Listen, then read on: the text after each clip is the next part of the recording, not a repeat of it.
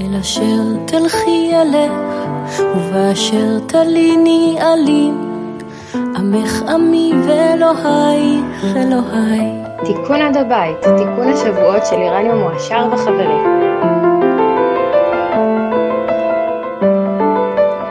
ומאותו תיקון שבועות בתיכון למדעים ואומנויות בירושלים, בלילה שבין השישה והשבעה ביוני 2019, אנחנו, אני מביאה לכם את המורה שלימד במקביל אליי, אז גם הקלטתי לצרכיי, אבל הוא גם הרשה לי לשתף אתכם, דוקטור דוד קופליוביץ', מדבר על מה עניין מבול אצל חג השבועות, חג השבועות בספר היובלים. תודה רבה, דוד, שאפשרת לי להקליט.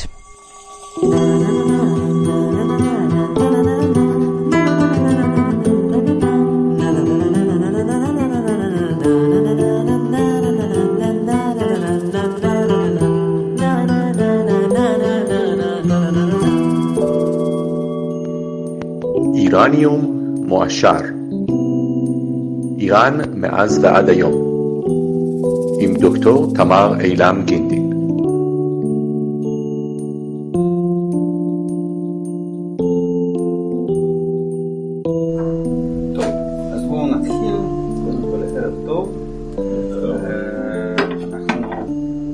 נדבר היום, היום על ספר יובלים. אני קודם כל אתן כמה דברי רקע, ואז אנחנו ניכנס לנושא, לנושא השיחה שלנו. קודם כל, ספר היובלים שייך לסוגה ספרותית שאנחנו מכנים בשם מקרא משוכתב. הסוגה הזאת היא עתיקת ימין, היא מתחילה למעשה במקרא גופו, אפשר לראות ניצנים של השכתוב מהסוג הזה בספר דברים ביחס לספרי התורה הקודמים.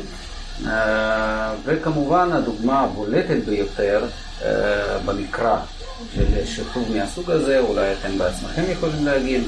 דברי הימים. זה כמובן ספר דברי הימים, נכון. הסוגה הזאת הולכת,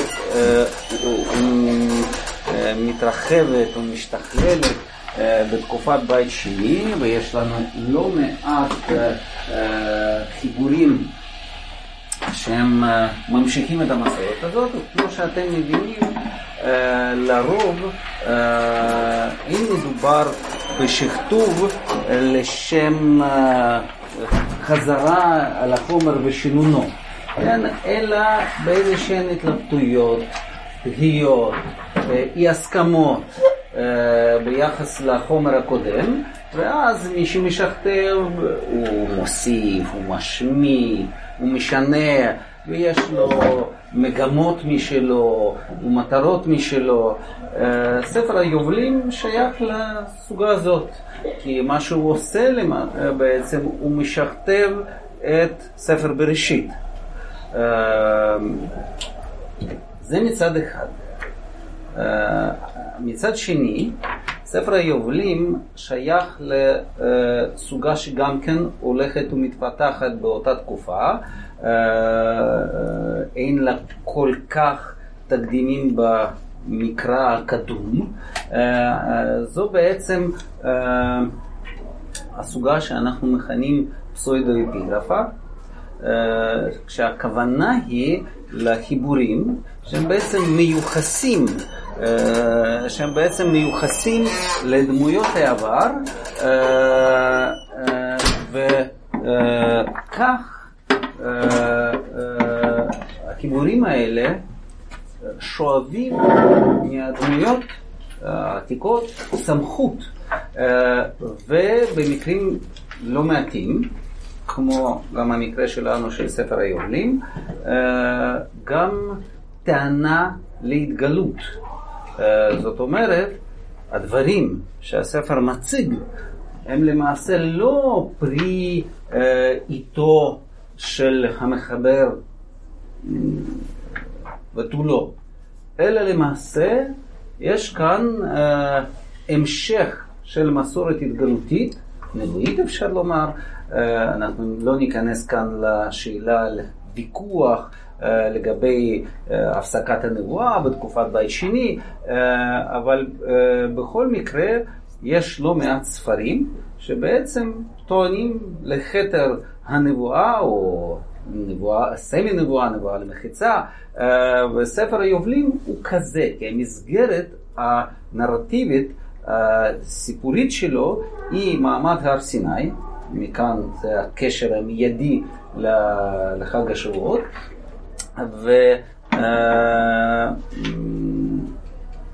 ומשה מקבל בהר סיני למעשה שתי תורות. הדבר הזה כשלעצמו לא כל כך מפתיע, אנחנו מכירים טענה דומה מפי חכמים, הם מדברים על כך שמשה קיבל תורה, שתי תורות, תורה שבכתב ותורה שבעל פה בסיני, אבל מה שבעל ספר היומלים טוען שמשה קיבל שתי תורות בכתב בהר סיני. אחת, מה שנקרא מפי הגבורה, כלומר התורה מוכרת לנו בצורה זו או אחרת, והשנייה מפי המלאך, שכל תפקידה של התורה השנייה הזאת היא בעצם לבאר את התורה הראשונה. ובין השיטין אנחנו מבינים שהכוונה בעצם לספר היובלים עצמו. כלומר, מה שהמחבר רוצה לומר לנו, שהספר שהוא מציג בפנינו, זו התורה השנייה שמשה קיבל בהר סיני. ספר היובלים. עכשיו, זה בתור הקדמה ספרותית תיאולוגית אפשר לומר. עכשיו הקדמה היסטורית קצרה. הספר הזה כמעט לא היה מוכר עד המאה ה-19.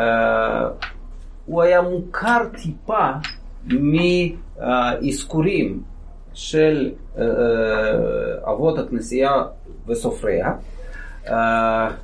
במאות הראשונים, במאות הראשונות של הנצרות האזכורים היו יותר תדירים, גם אירונימוס למשל מזכיר את ספר היובלים. לאחר זמן הספר הולך ונשכח כי הספר בעצם נתפס כספר חיצוני אפוקריפי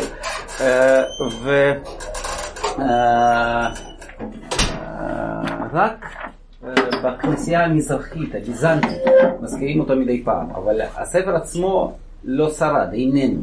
עד שבשנות ה-40 למאה ה-19, אחד מהמיסיונרים הגרמנים גילה את הספר באביסיניה, כלומר באתיופיה, בכנסייה האתיופית, ואחר כך הספר פורסם. אז מה שהוא גילה היה כתוב בשפת, בשפה הקדושה של הכנסייה האתיופית, המכונה גז, ודי מהר נהיה ברור שזה תרגום, תרגום ככל הנראה מהשפה היוונית, וכבר אז הועלו השאלות האם שפת המקור היא שפה שמת, עברית או ארמית. בעיקר משום שבספר היובלים יש מדרשי שמות, כאלה שאין להם זכר במקרא, ומדרשי השמות האלה מתאפשרים אך ורק על רקע שמי. כן, למשל הוא דורש את השם ירד, אחד ה... אחת הדמויות שמופיעות בתחילת ספר בראשית, והוא בעצם קושר את זה לפועל לרדת. ברור שזה מתאפשר אך ורק אם מדברים בשפה העברית, לפחות בשפה השמית, ובאמת כשנתגלו מגילות קומראן, אז אחד הדברים שבין היתר התגלה הוא הקטעים, הפרגמנטים של ספר, ספר היובלים בשפה העברית. כן, זה, וזה עכשיו בהישג ידינו. אמנם זה לא משהו מייצג מאוד, כי זה קטעים מעטים, אבל עדיין זה חשוב מאוד לדעת. Uh, עכשיו, עוד דבר, לפני שאנחנו נראה את מה שכתוב, uh, הוא uh, הקשר של הספר הזה לעדת היחד, לכת קומראן. אגב, אני לא אמרתי, אבל כמובן אתם יכולים לעצור אותי בכל רגע אם יש שאלה, ודאי, תשאלו. זה שהקטעים מהספר התגלו בספריית קומראן, זה כשלעצמו לא מקרה. אמנם התגלו שם כל מיני דברים, חלקים מהמקרא, ספרים חיצוניים שמוכרים לנו ממקומות אחרים, ספרים כאלה שלא מוכרים מאף מקום אחר, אבל במקרה של ספר העברים ועוד כמה ספרים מהסוג הזה, העניין הוא חשוב, כי ההשוואה בין אותם חיבורים כיתתיים שאנחנו מוצאים בקומראן לבין האידיאולוגיה המשתקפת בספר היובלים, ההשוואה הזאת מגלה שיש זיקה מאוד אדוקה, מאוד עמוקה בין שני הדברים. זאת אומרת, המסקנה בלתי נמנעת, או שהספר פשוט פרי עיתו של חבר הכת, ויש חוקרים כאלה שחושבים כך, או לפחות הוא שייך לאיזשהו חוג יותר רחב שמקורב לכת. עכשיו, למה זה חשוב לנו כרגע? בין היתר, בגלל שאל, שאלת הלוח, לוח השנה. בהתחלה חשבו, כשגילו את מגילות קומראן, שההבדל המרכזי בין האמונות והדעות של הכת הזאת לבין מה שיש לנו, נגיד, ביהדות הפרושית, הוא עניין שברומו של העולם, כן? זאת אומרת, עניינים רוחניים. אבל די מהר התברר שזה לא ממש כך, ושיש גם שאלות הלכתיות, שעליהן מתווכחים, ממש בחריפות. אז אחת השאלות המרכזיות היא שאלה של הלוח. על לוח השנה הקומראני, וזה הלוח שמשתקף בבירור בספר היובלים, הוא לוח שמשי, 364 ימים, 52 שבועות, חלוקה מאוד מאוד נוקשה של מועדי השנה, כיוון שזה לוח שמשי, אז כל חג בהכרח נופל על יום מסוים בשבוע. אני לא עכשיו לא אציג בפניכם את כל פרטי הפרטים של לוח הקומראני, אבל אפשר למצוא את זה בקלות. אבל למשל,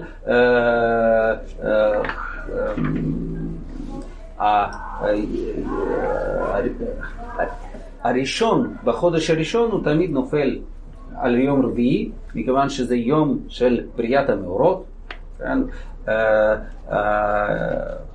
יום קורבן הפסח הוא תמיד יום שני, וחג המצות שבא בעקבותיו ט"ו בחודש הראשון הוא תמיד יום שלישי, וכיוון שזה כך, אגב, האנשים האלה לא מקבלים את השמות שהיהודים הביאו מבבל פרס, זאת אומרת, הם אוחזים בשיטה התורנית לכנות את החודשים רק לפי מספריהם, החודש הראשון, החודש השני וכך הלאה, ואם זה כך, זה בעצם אומר שגם השבועות צריך ליפול על יום מסוים בשבוע, והיום הזה הוא יום ראשון, תמיד.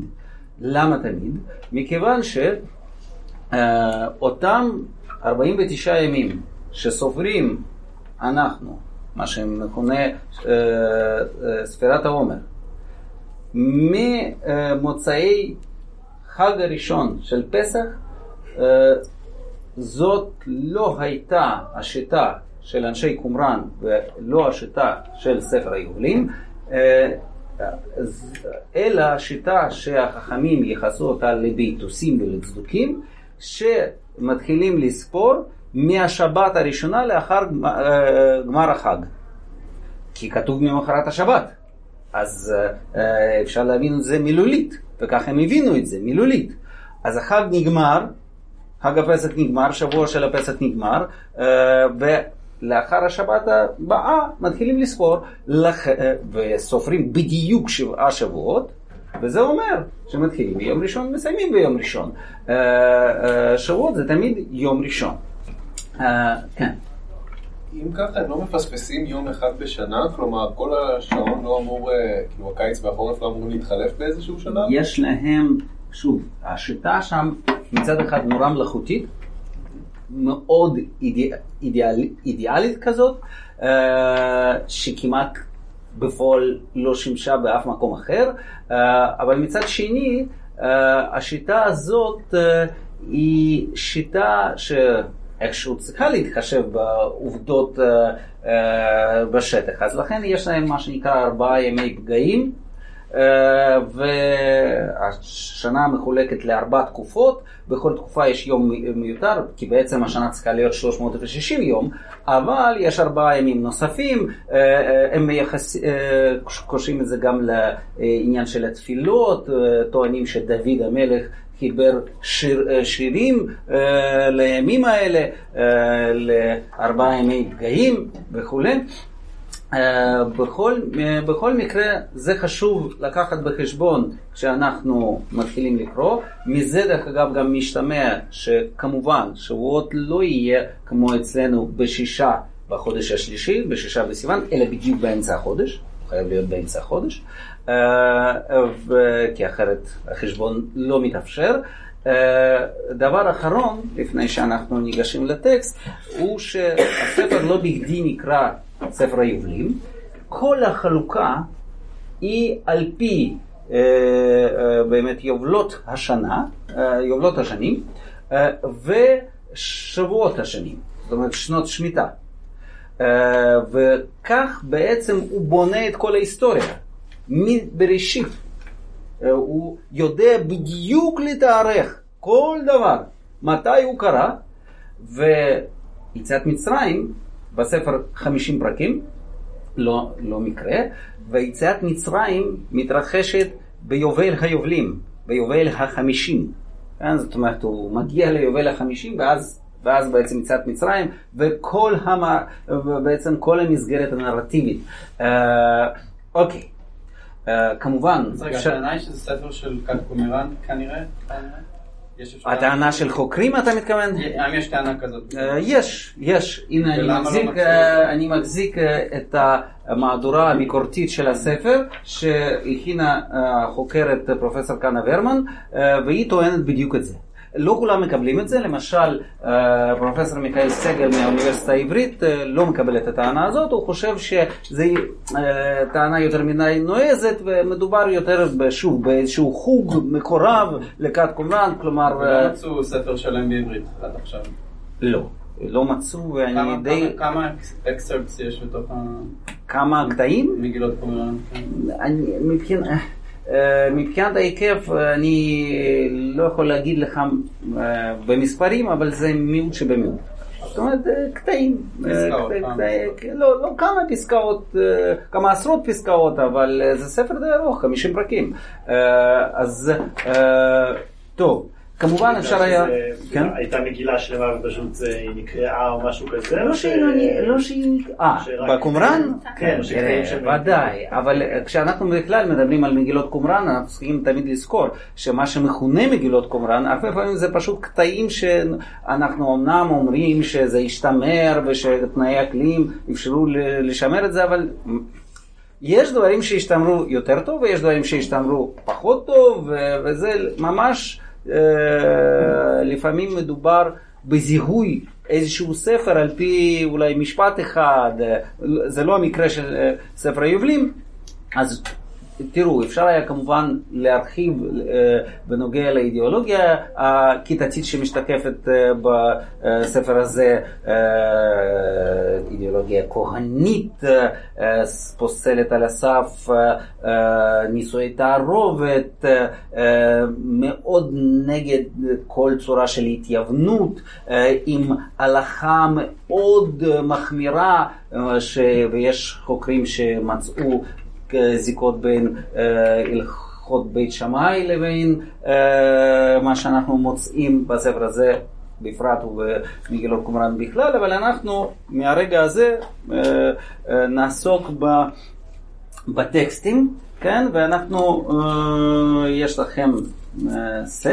אה, שאני הכנתי, אה, לא צילמתי את זה מהמהדורה הביקורתית כי ממנה קצת קשה אה, לצלם, כי יש הרבה הערות, צילמתי את זה מהמהדורה שמשמשת רבים, כן, מהדורה חצי עממית כזאת של אברהם כהנא, הספרים חיצוניים, אבל לצורך ענייננו זה לא כל כך משנה, כפי שאנחנו יכולים לראות, כאן יש, כן. אני, ביקשו ממני פשוט לצלם את המסבל, בלייב, בסדר. אין בעיה. אני אה, צריך את הפספורט של ה-Wi-Fi פה.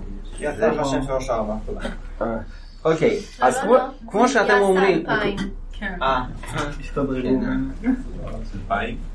אוקיי, אז כמו שאתם רואים, יש כאן קודם כל דברי הקדמה קצרים. אלה דברי חלוקת ימי התורה והעדות למעשה השנים, לשבועות, שנותיהם ויובליהם. דרך אגב, אה, זה מה שכהנא תרגם, כן? זאת אומרת, זה לא שהיה טקסט עברי.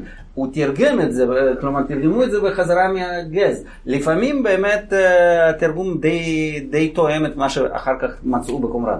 אז אלה דברי חלוקת ימי התורה והעדות למעשה השנים לשבועות שנותיהם ויובליהם בכל שנות העולם, כאשר דיבר השם אל משה בהר סיני בעלותו לקחת את לוחות האבן, לוחות התורה והמצווה, כדבר השם אשר דיבר אליו לאמור עלה אל ראש ההר. כן, זאת אומרת, זו, זו בעצם ההקדמה שמיד מכניסה אותנו ל...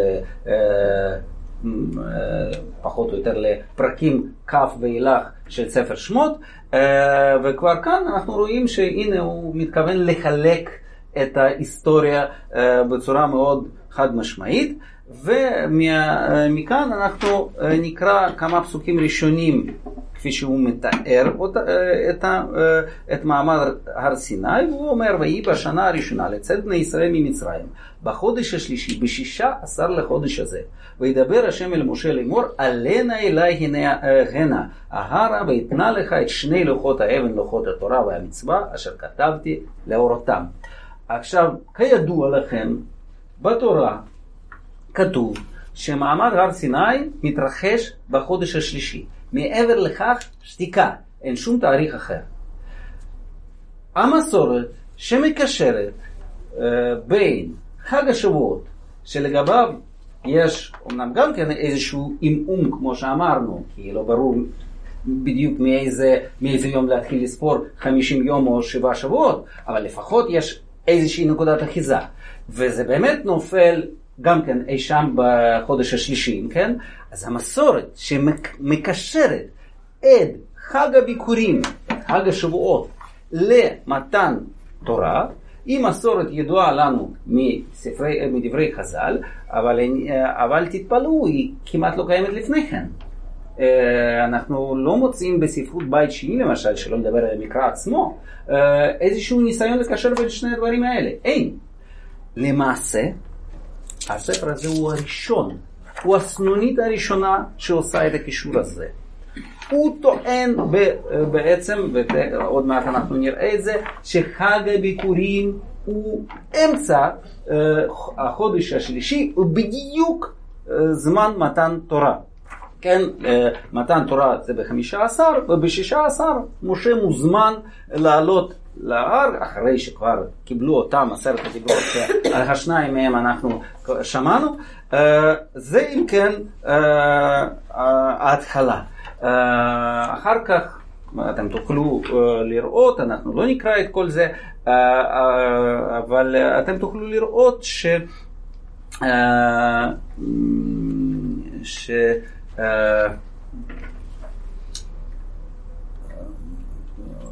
המלאך שמדבר עם משה, הוא כביכול נותן לו אפשרות לחזות את כל ההיסטוריה עד ימי המחבר.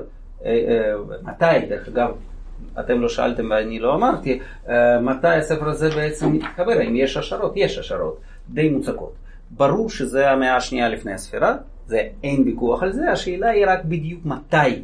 האם זה לפני גזירות אנטיוכוס או אחרי גזירות אנטיוכוס. על זה הוויכוח במחקר, אבל זה שזה המאה השנייה, זה די ברור גם מהספר עצמו, ממה שהוא מציג בפנינו. ועכשיו אנחנו מגיעים...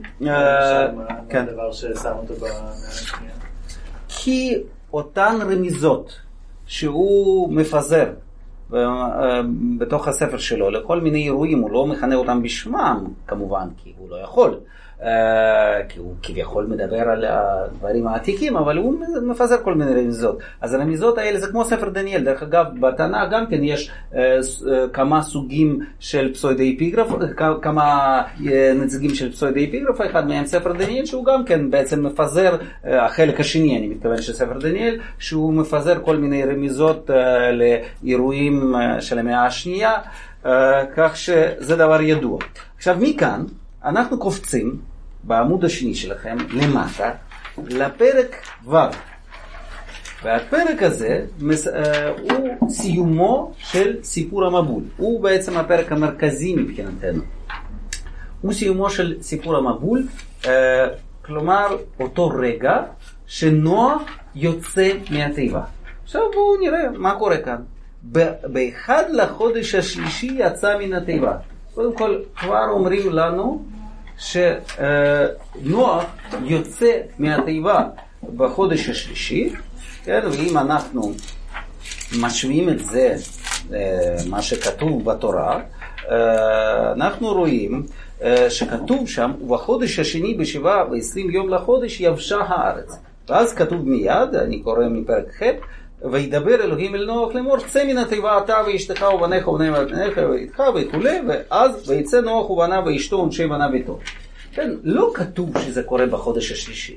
זו כבר מסקנה, אפשר לומר, כמעט הגיונית של בעל הספר, כי כתוב שבחודש השני יבשה הארץ, וזה שם לקראת סוף החודש. אז למה לא להגיד שהוא יצא בחודש השלישי? אנחנו נראה שזה מאוד חשוב לו מבחינה השקפתית, להגיד שזה חודש שלישי. אבל כרגע זה, זה מה שהוא אומר, כאן מתחיל השכתוב, כן? זה אה, כבר אין במקרא. ויבן מזבח על ההר, אה, על ההר ההוא, וירא על הארץ, ויקח דיזים, ויכפר בדמו על כל חטאות הארץ, כי נמחה כל אשר בא לבד מאשר היו עם נוח בתיבה. אנחנו רואים שכבר שגם כאן יש תוספות, כן? למשל, הייחוס לנוח של.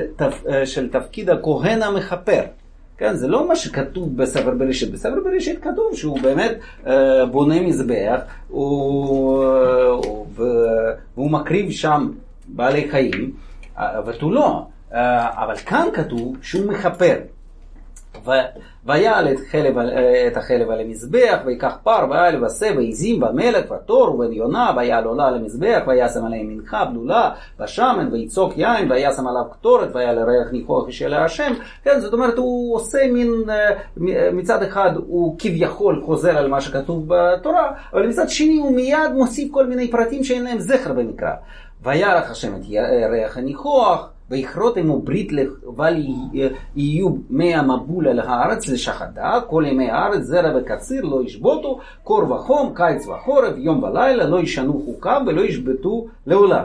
ואתם פרו ורבו בארץ, כן, זה מה שבעצם אלוהים אומר לנוח, אה, עליה והייתם לברכה בתוכם, ורעכם וחטכם אתן על כל אשר בארץ ובים, והנה נתתי לכם את כל החיה וכל הבהמה וכל האוב וכל הרומס על הארץ ודגת המים והכל למחיה, כי ירק העשב נתתי, נתתי לכם הכל לאוכלה, די חוזר על מה שיש לנו uh, בתורה, אחר כך הוא מדבר קצת על זה שאסור uh, לש, uh, לאכול דם. אה, ואסור לשפוך דם, זה אה, בלי להיכנס יותר מדי לכל הפרובלמטיקה הזאת, אני אגיד שבשבילו עניין הזה של איסור אכילת דם הוא אחד הדברים המרכזיים והעקרוניים ביותר שהוא כל הזמן חוזר עליו. והוא משתמש גם בקטע הזה אה, אה, בתורה כדי להדגיש את האיסור הזה. אבל אותנו מעניין יותר דווקא העניין הזה של אה, אה, שבועות. אה, כי אחר כך הוא אומר, אה, בפסוק י"א, כן, אחרי כריתת הברית, על כן אמר, אה, אמר לך כי תכרות ברית אתה עם בני ישראל בחודש ההוא, בחר, מי מדבר, מי זה אתה? זה המלאך שמשוחח עם משה. הוא כאילו, המלאך קושר את מה שעושה נוח למה שמתרחש עכשיו בהר סיני. אה, כלומר, בעצם הברית שהייתה קורית עכשיו הוא סוג של חזרה על הברית ועל השבועה שכבר נעשו בחודש ההוא, ויזד עליהם דם בעבור כל דברי הברית אשר קראת השם עמהם לכל הימים, ותיכתב העדות הזאת עליכם למען תשמרו כל הימים, לבל תאכלו כל הימים כל דם, חיה ועוף, בהמה כל ימי הארץ, והאיש אשר יאכל דם וכולי, אה, אה, ועכשיו אנחנו מגיעים לעיקר, אה, לעיקר העניין, שהוא שהוא פסוק ט"ו, שהוא פסוק ט"ו. ויתן לנוח ולמניו אות, לבל יהיה עוד מבול על הארץ. את קשתו נתן בענן, לעוד ברית עולם, לבל יהיו עוד מהם מבול על הארץ לשחתה כל ימי הארץ. על כן הוא קם וייכתב בלוחות השמיים, הביטוי שחוזר בספר היובלים הרבה פעמים, כלומר דבר שכביכול חקוק שם בשמיים, כן, זה אה, נקבע מראש, אה, ואחד הדברים שמאפיינים בכלל את העדה הזאת, הדטרמיניזם המוחלט, כן, הכל נקבע מראש. אז הוא אומר, על כן הוא קם וייכתב בלוחות השמיים, כי יעשו את חג השבועות בחודש הזה, פעם בשנה לחדש את הברית בכל שנה ושנה. ויעש כל החג הזה בשמיים, מיום הבריאה עד ימי נוח 26 יובלות וחמישה שבועות שנים. וישמרו נוח ובניו שבע יובלות ושבוע שנים אחד עד מות נוח ומיום מות נוח שחטו בניו עד ימי אברהם ויאכלו דם. זאת אומרת, אנחנו רואים כאן שבעצם עוד לפני האנושות, היום הזה לשבועות נקבע, כבר מלאכים חגגו את היום הזה כל שנה, אחר כך הדבר הזה הועבר לנוח, וכאן אה, לפתוח אה, סוגריים קצרים, זה בכלל השיטה של בעל היובלים, לייחס את החוקים בכלל ואת המועדים בפרט למשהו שהתרחש בימי בראשית. יש כל מיני הסברים למה זה כך. אחת, אחד, אחד ההסברים שנראה לי מאוד משכנע הוא הרצון להפוך את ספר בראשית מסתם איזשהו סיפור ליסוד ההלכה, כן? אבל חוץ מזה גם לייחס לחוקים אופי על זמני, כן? זה לא, בהר סיני זה רק התחדש, זה לא, זה לא לראשונה הופיע, זה רק התחדש. אז זה מה שהוא אומר כאן, וישמור אברהם לבדו, ויצחק ויעקב שמרוהו, כי בניו הם עד ימיך, ובימיך, כלומר משה, שכחו בני ישראל עד אשר חידשתים בהר הזה, ואתה צב את בני ישראל וישמרו את החג הזה בכל דורותיכם, למצווה להם, יום אחד בשנה בחודש הזה יחוגו בו. כי חג השבועות הוא, וחג הביקורים הוא, משנה חג הוא, ומשנה משפט. החג הזה ככתוב וחרוט בו תעשהו. שימו לב, הוא זה שקובע את הכפילות הזאת. מצד אחד זה חג הביקורים, מצד שני זה חג, חג כריתת הברית, ולכן די ברור מה שהוא עושה גם עם המילה שבוע. הוא הופך במין רמיזה כזאת את המילה שבוע למילה שבועה. זה חג, לא רק חג השבועות, זה חג השבועות. כן, ואנחנו נראה שלא רק עם נוח, כלומר השבועה הראשונה, הברית הראשונה זה בתוך, בשמיים עם המלאכים, אחר כך עם נוח, ואחר כך אנחנו תכף נראה שיש עוד כמה שכרתו את הברית בשבועות, כן. כל זה זה ציטוט ישיר של אלוהים שהוא מדבר של המלאך, עם משה? של המלאך, של המלאך, שמדבר כן, עם משה. מלאך מדבר עם משה, בדיוק, כן, אז הוא אומר כי כתבתי בספר התורה הראשון אשר בו כתבתי לך, הספר התורה הראשון זה ספר התורה שלנו, כן? לעשותו במועדו יום אחד בשנה וקורבנו אמרתי לך למען יזכרו בני ישראל ועשו לדורותם בחודש הזה יום אחד בכל שנה ושנה. והאחד לחודש הראשון, והאחד לחודש הרביעי, והאחד לחודש השביעי והאחד לחודש העשירי ימי זיכרון הם, זה אותם ימי פגעים בתחילת כל תקופה.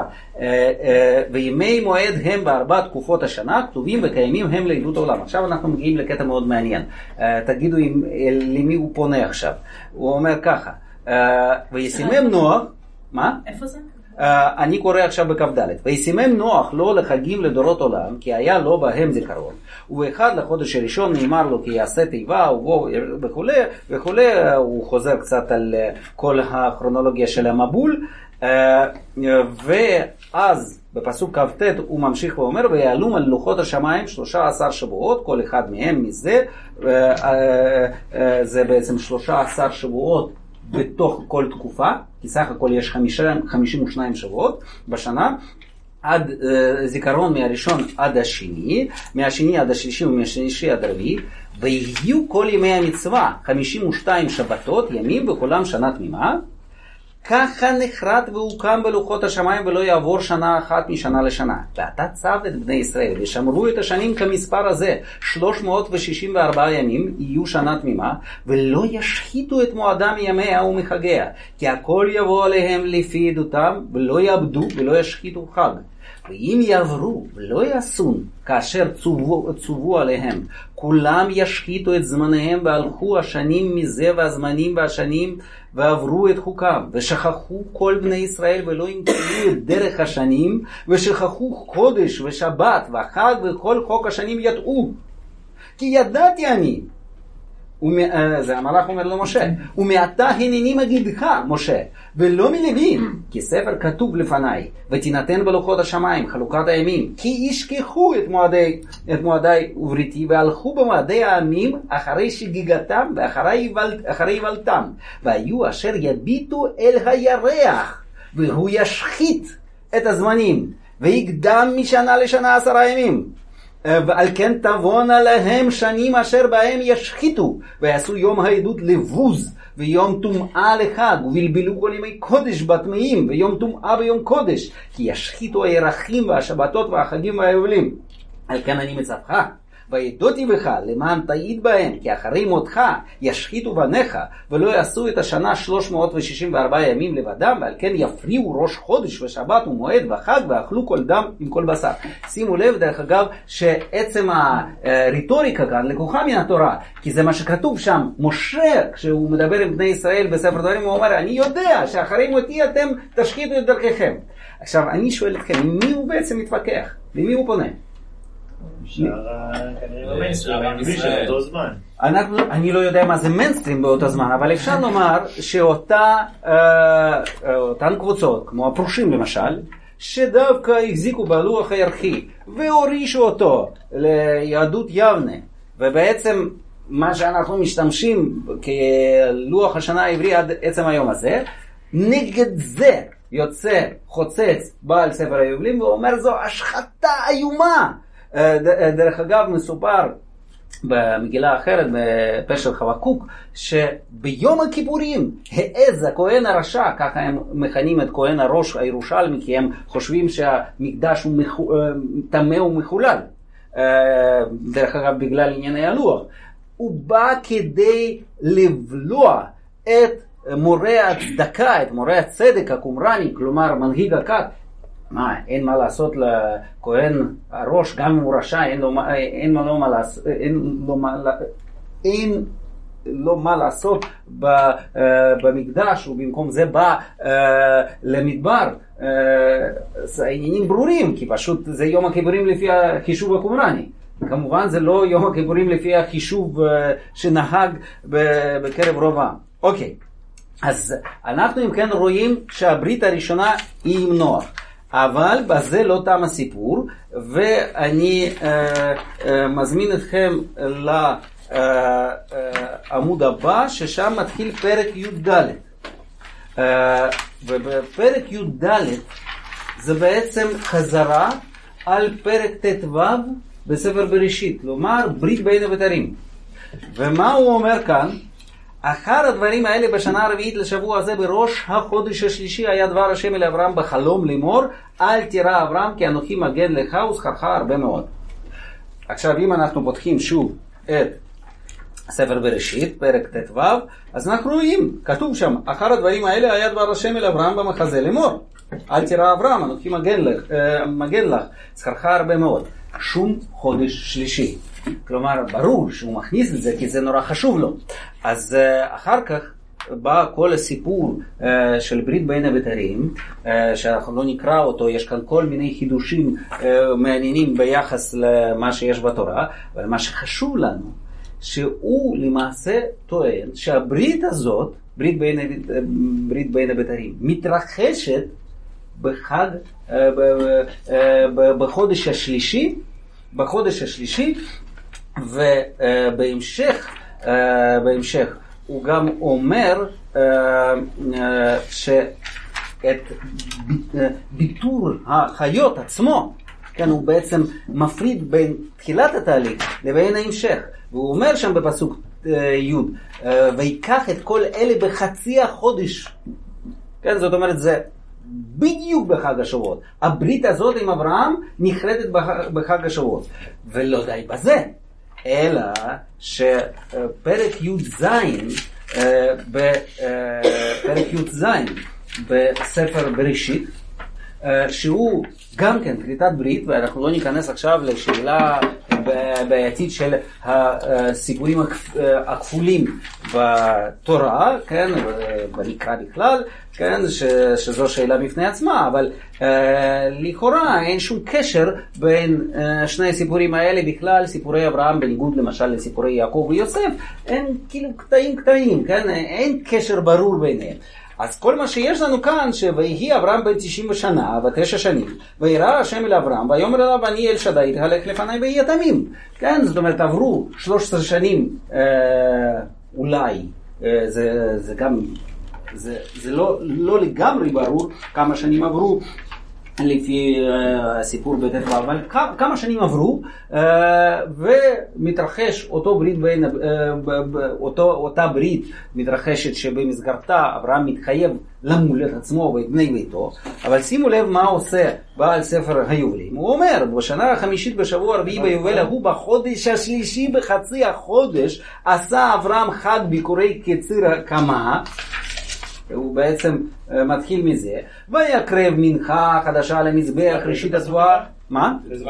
זה אה, איפה שכתוב אצלכם נ"ו, ממש תחילת הפרק, כאן למעלה, כן? אז אה, אברהם בעצם כמו נוח, הוא גם כן מתפקד ככהן, ככהן, הוא מקריב קורבנות, ממש כמו שמצווה התורה, אה, גם נס- נסכים, גם קטורת וכולי, ואז נאמר, וירא השם אל אברהם ויאמר לו, אני אל שדי תהלך לפניי ויהיה תמים. זאת אומרת, ואז כל הסיפור עם ברית מילה. כלומר, גם זה מתרחש בחג השבועות. וכאן הוא גם אומר שאברהם גם עשה חג הביקורים. וכדי עוד יותר אה, להדק את הקשר. אז עוד מעט הוא יגיד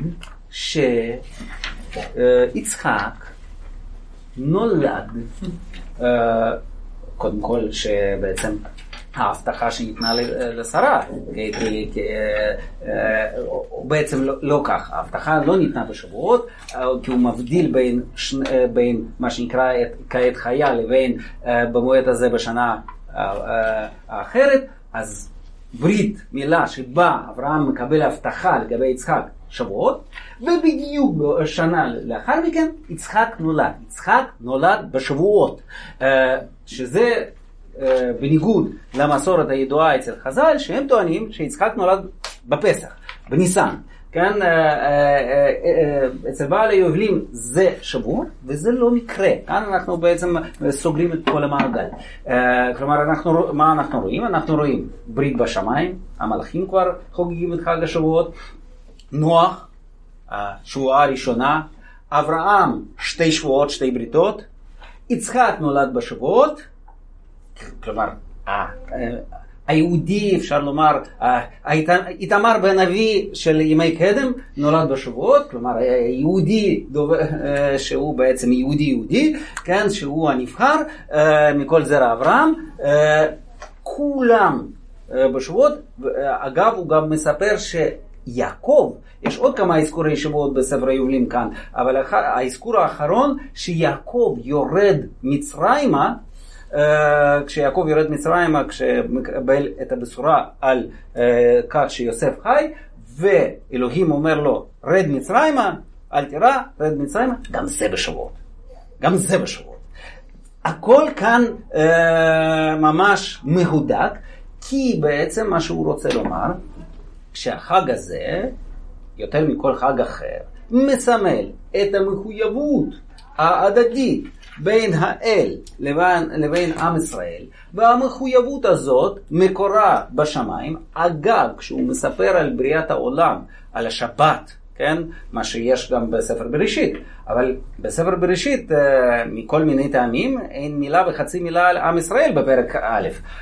הוא לא מפספס את ההזדמנות הזאת. הוא אומר שהשבת הזאת היא לא סתם שבת, זה נועד ל- לימים הבאים לשם שמירת שבת על ידי בני ישראל שהם, שהם העם הנבחר. כן, זאת אומרת, אצלו הכל הכל אה, מסודר ומהודק ומקושר. אה, כמובן חג השבועות הוא לא היחיד, גם חג הסוכות נקשר לאברהם. גם חג הפסח נקשר באברהם, שאח... שדרך אגב עקדת יצחק מתרחשת לפי ספר היובלים בפסח, לא בראש השנה. אה, אז אה, כך שאם אנחנו בעצם מסכמים את כל העניין הזה, אנחנו יכולים לומר שספר היובלים כאן, הדוגמה הזאת של חג השבועות היא יכולה לשמש מקרה מבחן הן לאופי הפעילות הספרותית שלו, של שכתוב המקרא, הן לגילוי התפוצות הכיתתיות שלו, שקשורות ללוח השנה, וגם אפשר לומר לאיזה שהם יסודות אידיאולוגיים דתיים שעליהם הוא בונה את כל הסיפור, כן? זאת אומרת, משה עכשיו נמצא בהר סיני והוא בעצם מתברר שמה שהוא מקבל עכשיו, מה שמתרחש עכשיו, זה בעצם כבר התרחש. עכשיו, הטענה הזאת היא לא טענה ייחודית. כן, אנחנו בכלל יודעים שבתקופת בית שני זה, וגם הלאה, זה מה שהיה. התפיסה היא תפיסה טיפולוגית, מעשה אבות סימן לבנים, מה שמתרחש עכשיו היה חייב להתרחש פעם, אם זה חשוב, כי אחרת מה, מה הפואנטה? התפיסה היא הפוכה משלנו, כן? היום העיקר הוא לחדש משהו שלא היה כמוהו. אז התפיסה הייתה הפוכה. לדבר יש ערך אך ורק אם יש כאן חזרה על דפוס שקיים בתחום שאפשר לכנותו תחום קדוש. כן? אז טוב, נשארו לנו מספר דקות לשאלות, אז אני מוכן להשיב על, על השאלות. כמובן, כל זה היה בקיצור נמרץ. כן. הערה קטנה ואז שאלה. קודם כל, הערה זה מעניין שהם כאילו, זה לא נראה כמו ניסיון כזה פרשני. זה יותר ניסיון כזה, זה לא שאומרים כאילו הנה תראו כתוב ככה ולכן אפשר לראות שהייתה שם, פשוט אומרים זה היה בחודש השלישי, הפרק זמן הזה שלא היה כתוב. במקרה הזה, במקרה הזה, אבל זה כמובן עבודה פרשנית גם כן, הוא הרבה פעמים עובד גם על, פותר גם בעיות פרשניות, ודאי. כן. והשאלה זה איך זה יסתדר עם החודשים, אז היו להם 12 חודשים? כן, 12 חודשים, כל אחד 30 יום, כן, אין דבר כזה כמו חודש חסר, חודש מלא, כולם 30 יום. ואז ארבעה ימים, מה? ואז ארבעה ימים, ארבעה ימים זה כאילו אותה תוספת של כל תקופה. כן, כדי לקבל 30, 364 ימים, ויש כל מיני פרשנויות מה זה אותם ימים, האם זה ימים מסוכנים או דווקא ימים טובים, ימים של תפילות. כן. עוד שאלות? משהו שנותר. טוב, אני... כן, בבקשה. יש המסורות האלה, איכשהו, אמרת שבסוף מה שהשתרש זה המסורות של הפרושים, שהביאו אותם לזה. יש איזה... לא יודע מה, פלג, משהו כזה ש... שנשאר איזה שריד למסורות האלה עם האדם או עם... אוקיי, אז קודם כל אתה בעצם, זה מה שרציתי לומר, כי אני, לפעמים אנשים שואלים, מה זה חשוב לנו עכשיו? בכלל זה עניין, מגילות קומראן, ספר היובלים, עבד על כל זה כלח. כאן, אז התשובה לדעתי זה קודם כל מרתק, וזה קורא חלון לתוך תולדות המסורות. כן, עכשיו לגבי השאלה הספציפית שלך, באופן חד משמעי קשה להשיב על כך. יש מי שמנסה לטעון שהמגמות הדומות לאלה שאנחנו מוצאים במגילות קומראן, בהלכה השמותית, כלומר בית שמאי, אפשר למצוא גם אצל השומרונים, אחר כך אצל הקראים, והטענה היא שכאילו אה, זה משהו אה, שיות- אה, שמציג גישה יותר מילולית ויותר מתחייבת כלפי הטקסט. זה גם כן לא בדיוק כך, כן? אבל יותר, מתחי... אה, יותר מתחייב מאשר אה, נגיד מה שאנחנו מוצאים אצל חז"ל, כן?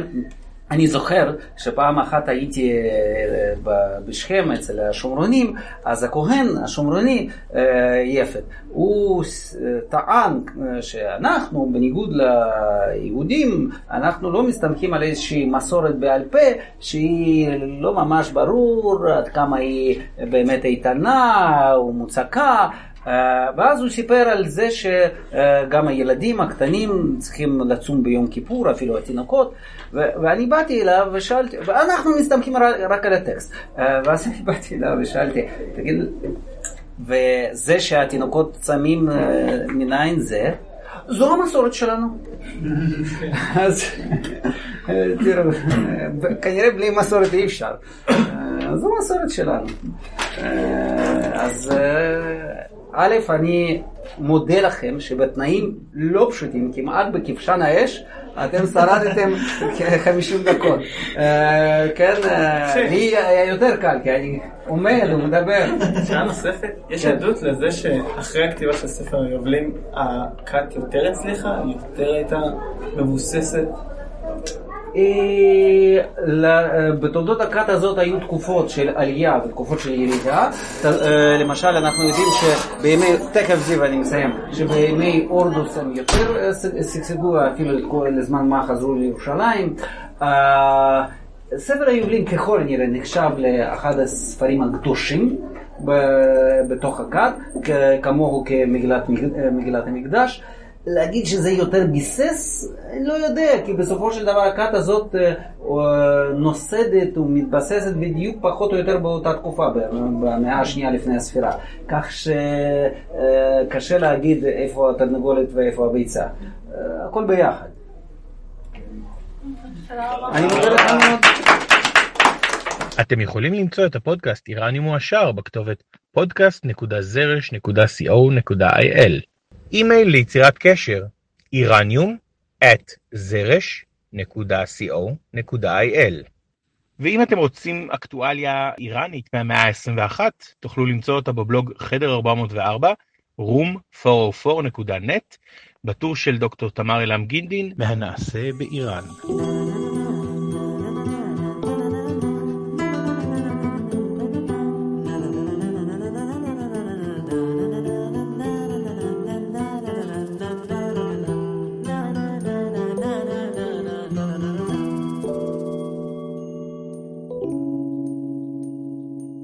איראניום מועשר תיקון עד הבית, תיקון השבועות של איראניום מועשר וחברים.